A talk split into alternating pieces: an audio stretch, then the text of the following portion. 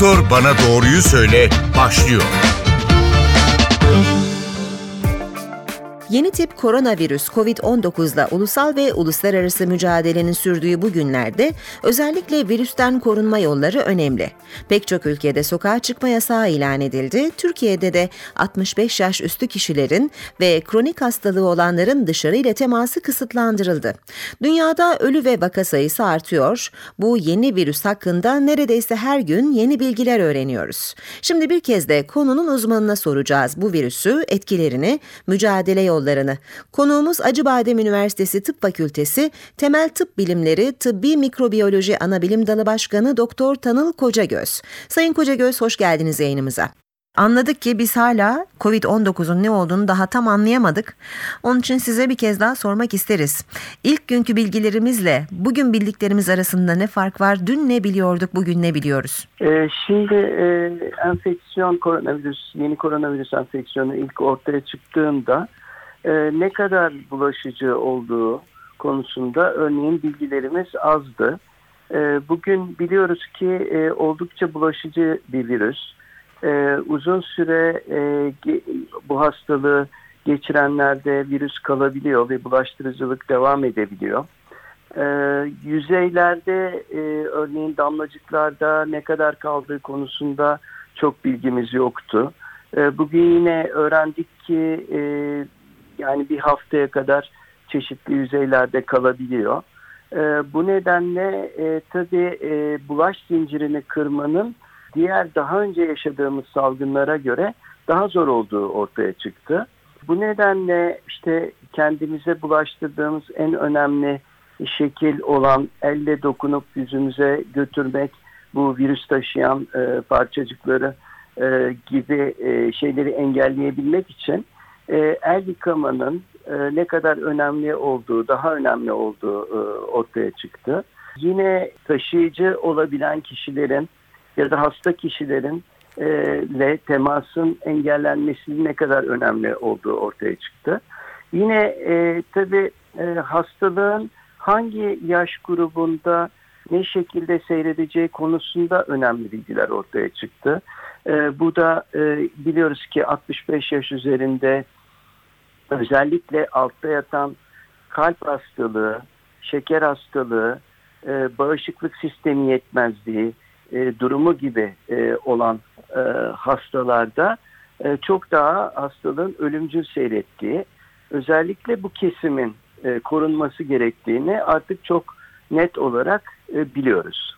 Şimdi artık e, Çin'den gelen yeni kitler de bugünden itibaren ülkemizde ve daha e, gelecek de ayrıca. Bu durumda tanı hızı arttıkça Türkiye'de de vaka sayısının e, ne hızla artacağını öngörüyorsunuz? Aslında bu hızlı testler bir süredir yapılıyor biliyorsunuz. Hızlı test dediğimiz moleküler test dediğimiz işte virüsün RNA'sını saptayan testlerle biz gidiyoruz şu ana kadar.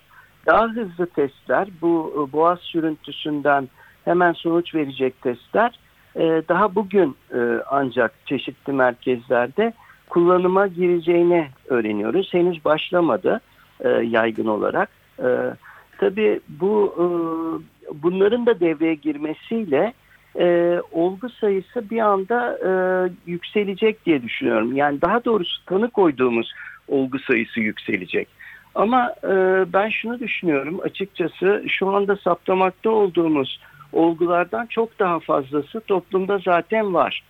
E, çünkü e, bu e, bir bilgi de hani öğrendiğimiz bu salgın sırasında toplumun önemli bir, bir kesimi ki yüzde yetmiş seksenlere varıyor bu. Hiç belirtisiz ya da e, çok hafif belirtilerle bu hastalık fark edilmeden geçirmiş olabiliyor. Şimdi böyle olduğu için durum ancak çok sayıda test yaparsak ve tüm temaslı olduğu kişileri taramaya başlarsak hastaların e, o zaman bunları anlayabileceğiz. Şimdi bu hızlı testler çok çok önemli. E, neden önemli? Birincisi şu anda e, yaptığımız çalışma düzeni biraz sonuçların geç gelmesine neden oluyor. Çünkü e, bir şüphelenilen hastadan örnek alınılıyor ve bu Sağlık Bakanlığı'nın çalıştığı bir merkeze gönderiliyor. E, oradan sonuç geliyor. E, tabii oradan sonuç gelene kadar e, hastayı izolasyonda tutmak zorundasınız. Temaslarını karantinada tutmak zorundasınız. E, ve görüyoruz ki mesela yüzde onu pozitif çıkıyor örneklerin e, giden tetkik için. Bu da şu demek hastaların yüzde doksanını gereksiz yere biz hastanelere yığmış bekletmiş oluyoruz. Bu açıdan eğer e, bu boğaz sürüntüsünden doğrudan e, hastayı gösteren testler olursa elimizde en azından hangi hastayı tutacağız, diğeri e, nasıl ayıracağız bir e, şey olacak. E, önemli etken olacak. Şimdi iki, iki çeşit şey var, iki çeşit hızlı test var. Onları birbirine karıştırmamak lazım. E, bir tanesi hastanın boğaz veya burnundan sürüntü alınıp orada virüsün olup olmadığını, antijeni olup olmadığını bize gösteren bir hızlı test var. Bu hastaların erken tanısı açısından çok değerli bir test. İkinci test ise hastalığı geçirip geçirmediğini bir kişinin gösteren antikor dediğimiz hastanın kanında oluşan maddelerin varlığını gösteren bir test var. Bu belki de şu anda bizim e, salgını kontrol e, açısından daha da önemli bir test e, olabilir. Eğer duyarlılığı yüksekse bu testlerin. O da şu, e, örneğin öncelikle biz sağlık çalışanlarımızı e, bu, bu tür hastalarla temas edenleri hızlıca bir taramamız lazım bu testle. O, onların yüzde seksenden fazlası belki de belirtisiz bir şekilde bu hastalığı geçirmiş olabilir zaten. Böylece eğer hastalığı bir kişi geçirdiyse zaten o hastalığa karşı aşılanmış gibi yani bağışık hale gelmiş oluyor. Ve ön cephede e, bu hastalığa karşı çok rahatlıkla çalışabilir, daha rahatlıkla çalışabilir. Evet. İkincisi, ikincisi e, temaslılarda örneğin gençlerde biz bu hastalığı geçirmiş olduklarını saptayabilirsek e, o da çok önemli. Çünkü onların kanında e, bu antikorlar oluşmuş olacak. E, ve o immünoglobulin dediğimiz bu ya da antikor denen bu maddeleri e, bir kan bağışı yoluyla e, o kişiler bir kan bağışlarlarsa e, o kandan elde edebiliriz. Hiperimmunoglobulin deniyor buna. O kandan elde edebiliriz ve bu yoğun bakımda yatan, kritik durumu olan hastalara verilirse sanki kendisi yapmış gibi o antikorları hastayı iyileştirme şansımız var.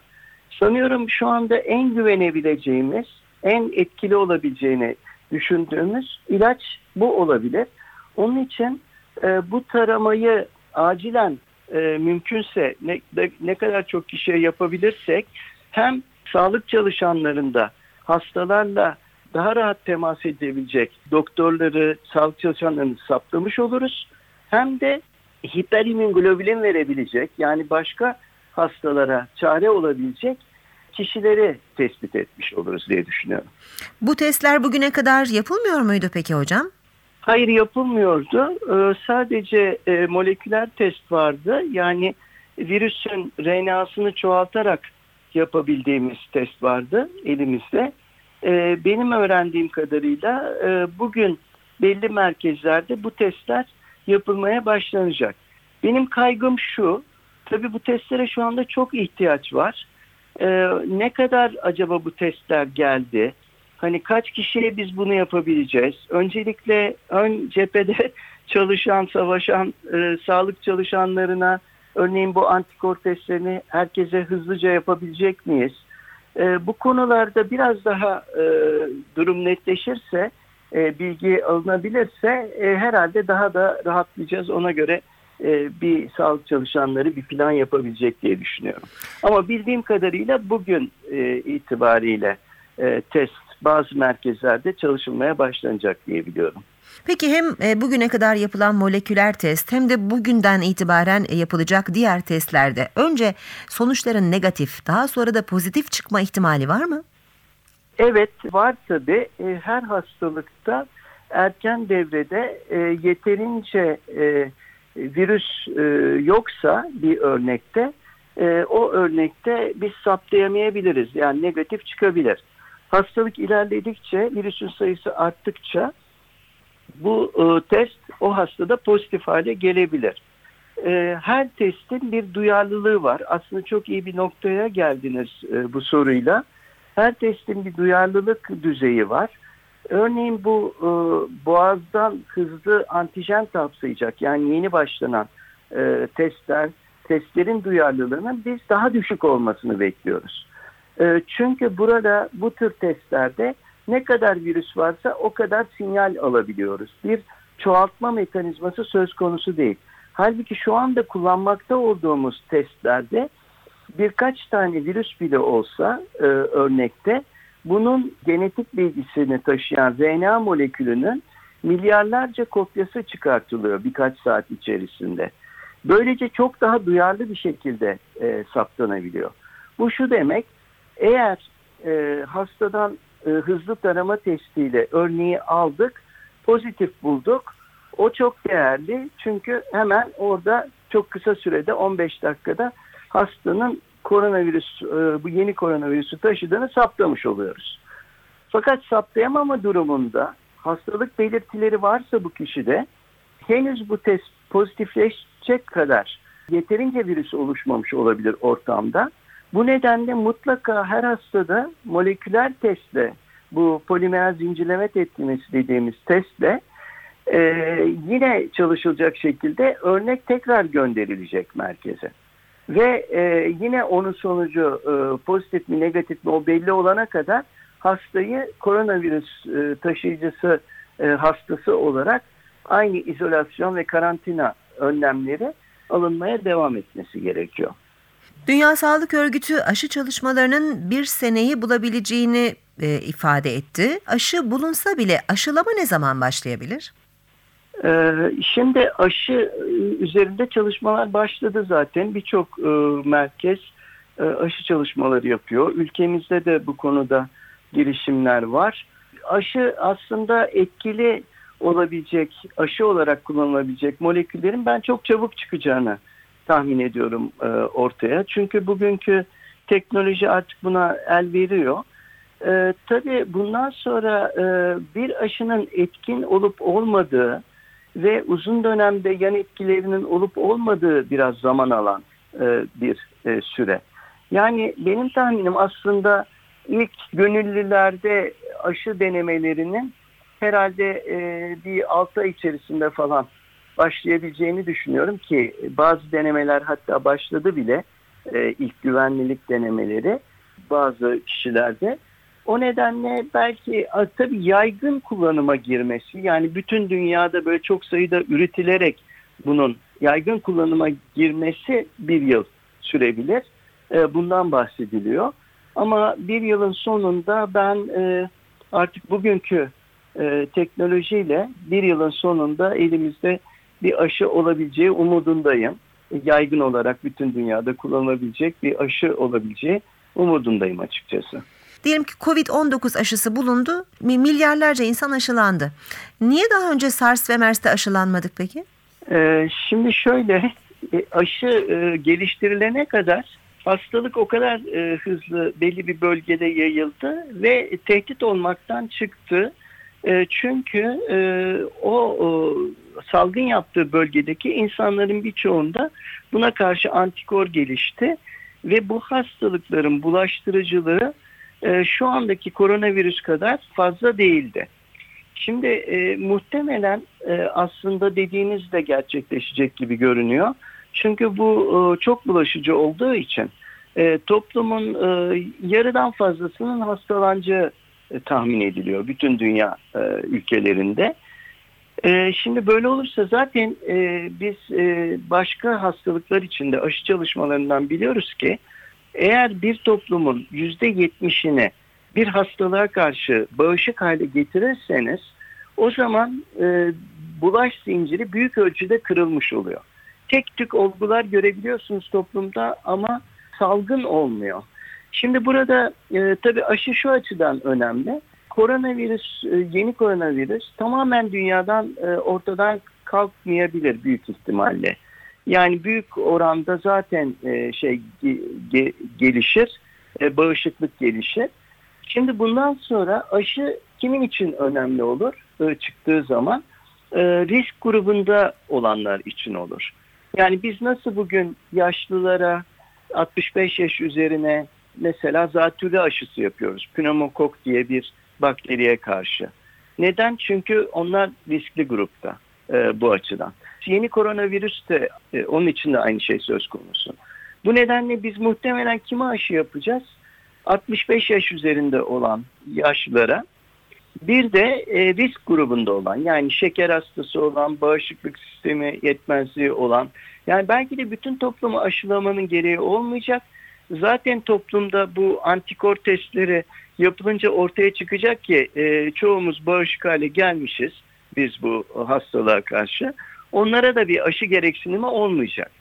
Yani risk grupları için aslında gerekli olacak bir aşıdan söz ediyoruz. Peki neden COVID-19 0-9 yaş arasındaki çocuklarımızda bir can kaybına sebep olmadı? Virüsler çok seçici organizmalar. Hücre tipi e, çok seçiyor. E, nasıl seçiyor bunu? E, hücreye girebilmek için kendisinin tutunup e, içeri girmesi gerekiyor hücre yüzeyine. Burada da belli reseptör dediğimiz ya da bağlaç dediğimiz Türkçesi e, moleküller söz konusu. Şimdi bu bağlaçlar kimde fazla var? Mesela sadece yaşlı değil çocuklarda bu bağlaçlar az belki ona bağlı olarak çok fazla etki göstermedi çocuklarda. Bir de örneğin mesela sigara içenlerde 14 kat daha fazla olduğu e, ölümün ortaya çıktı. O neden e, çünkü sigaranın bu virüsün tutunduğu reseptörleri hücre yüzeyinde arttırdığını biliyoruz. İşte bazı ilaçlar da arttırabiliyor deniyor. Bu tür çalışmalar var. Tam nedeni tabii bunu daha sonra yapılmış e, daha büyük serili e, hastaları içeren çalışmalarla net bir şekilde ortaya koyacağız. Ama şunu örnek vereyim. Mesela çocuk felci e, virüsü sadece insanlarda olan bir hastalık. Mesela başka hayvanlarda da bu şey yapmıyor. Çünkü onların reseptörlerine o kadar iyi bağlanıp giremiyor. Hatta o kadar e, özgür ki çocuk felci virüsü insan vücuduna girdiğinde e, sadece bu vücut hareketlerini, kas hareketlerini kontrol eden sinir hücrelerine gidiyor ve orada enfeksiyon yaptığı için felçlere neden oluyor. Mesela vücudun başka hücrelerini tutmuyor da sadece o hücrelerde enfeksiyon yapabiliyor. Yani hücre bile seçiyor e, virüsler. E, o nedenle bu çok şaşırtıcı değil bizim için. E, belli bir grupta daha e, ciddi enfeksiyonlar yapması. Peki şimdi e, aşı ya da tedavi bulunana kadar bizim elimizden gelen virüsten olabildiğince korunmak. Elimizi sıklıkla yüzümüze götürme alışkanlığından bir kere kurtulmamız gerekiyor. Şimdi hayatımıza el dezenfektanları hiç olmadığı kadar sıkça girdi. Bunun yanı sıra sabun, çamaşır suyu, sirke, fön makinesi ya da mikrodalga fırının da virüs kovucu özelliği olduğu söyleniyor. Bu konuda evet. da bizi aydınlatır mısınız? Evet, çok çelişkili şeyler dolaşıyor ortalıkta özellikle sosyal medyada. Ben şunu net bir şekilde söyleyeyim. Ee, e, sabun, çamaşır suyu bunlar kesin e, virüsü öldürdüğünü bildiğimiz şeyler. Sirke tartışmalı. Yani ne kadar süre bekletilirse sirkede faydası oluyor onu henüz bilmiyoruz. Taze sebze meyveleri aldığımız zaman biraz sirkeli suda bekletmek bazı parazit yumurtaları yani başka bağırsak parazitleri gibi parazitlerin yumurtalarını işte onları öldürebildi ee, daha e, saptanmış şey. Fakat e, koronavirüse ne yapıyor onu bilmiyoruz. E, bunun dışında bu sosyal medyada ben de görüyorum yok işte e, saç kurutma makinesine e, soludonuz havaya tutarak sıcak hava soluyun. Yani böyle bir şey olması mümkün değil. Bunun bir faydası yok. kesinlikle uğraşmasın kimse böyle şeylerle. E, ya bunun dışındaki şeyler etkili değil virüse karşı. E, gözlüğün de virüsten koruduğu söyleniyor. Bu doğru mu? Tabii e, şimdi eğer karşımızdaki koronavirüs taşıyıcısı bir kişinin hapşırması, öksürmesine maruz kalacak olursak oradan gelen damlacıkların içeri girmesine birkaç şey çok duyarlı. Bunlardan bir tanesi göz mukozası. Tabii lens sadece gözün orta kısmını koruyor. Çevresindeki mukozayı korumuyor. Ama yüzümüzde bir gözlük varsa böyle bir damlacık gelirse gözümüze ulaşmayabilir. Gözlük bunu engelleyebilir. Bunun için e, söylenebilir. Acıbadem Üniversitesi Tıp Fakültesi Temel Tıp Bilimleri Tıbbi Mikrobiyoloji Anabilim Dalı Başkanı Doktor Tanıl Kocagöz. Çok teşekkür ediyoruz sorularımızı yanıtladığınız için, bizi aydınlattığınız için. Ben teşekkür ederim herkese e, bu konuda bilgilendirme fırsatı verdiğiniz için. İyi yayınlar diliyorum size de. Doktor bana doğruyu söyle.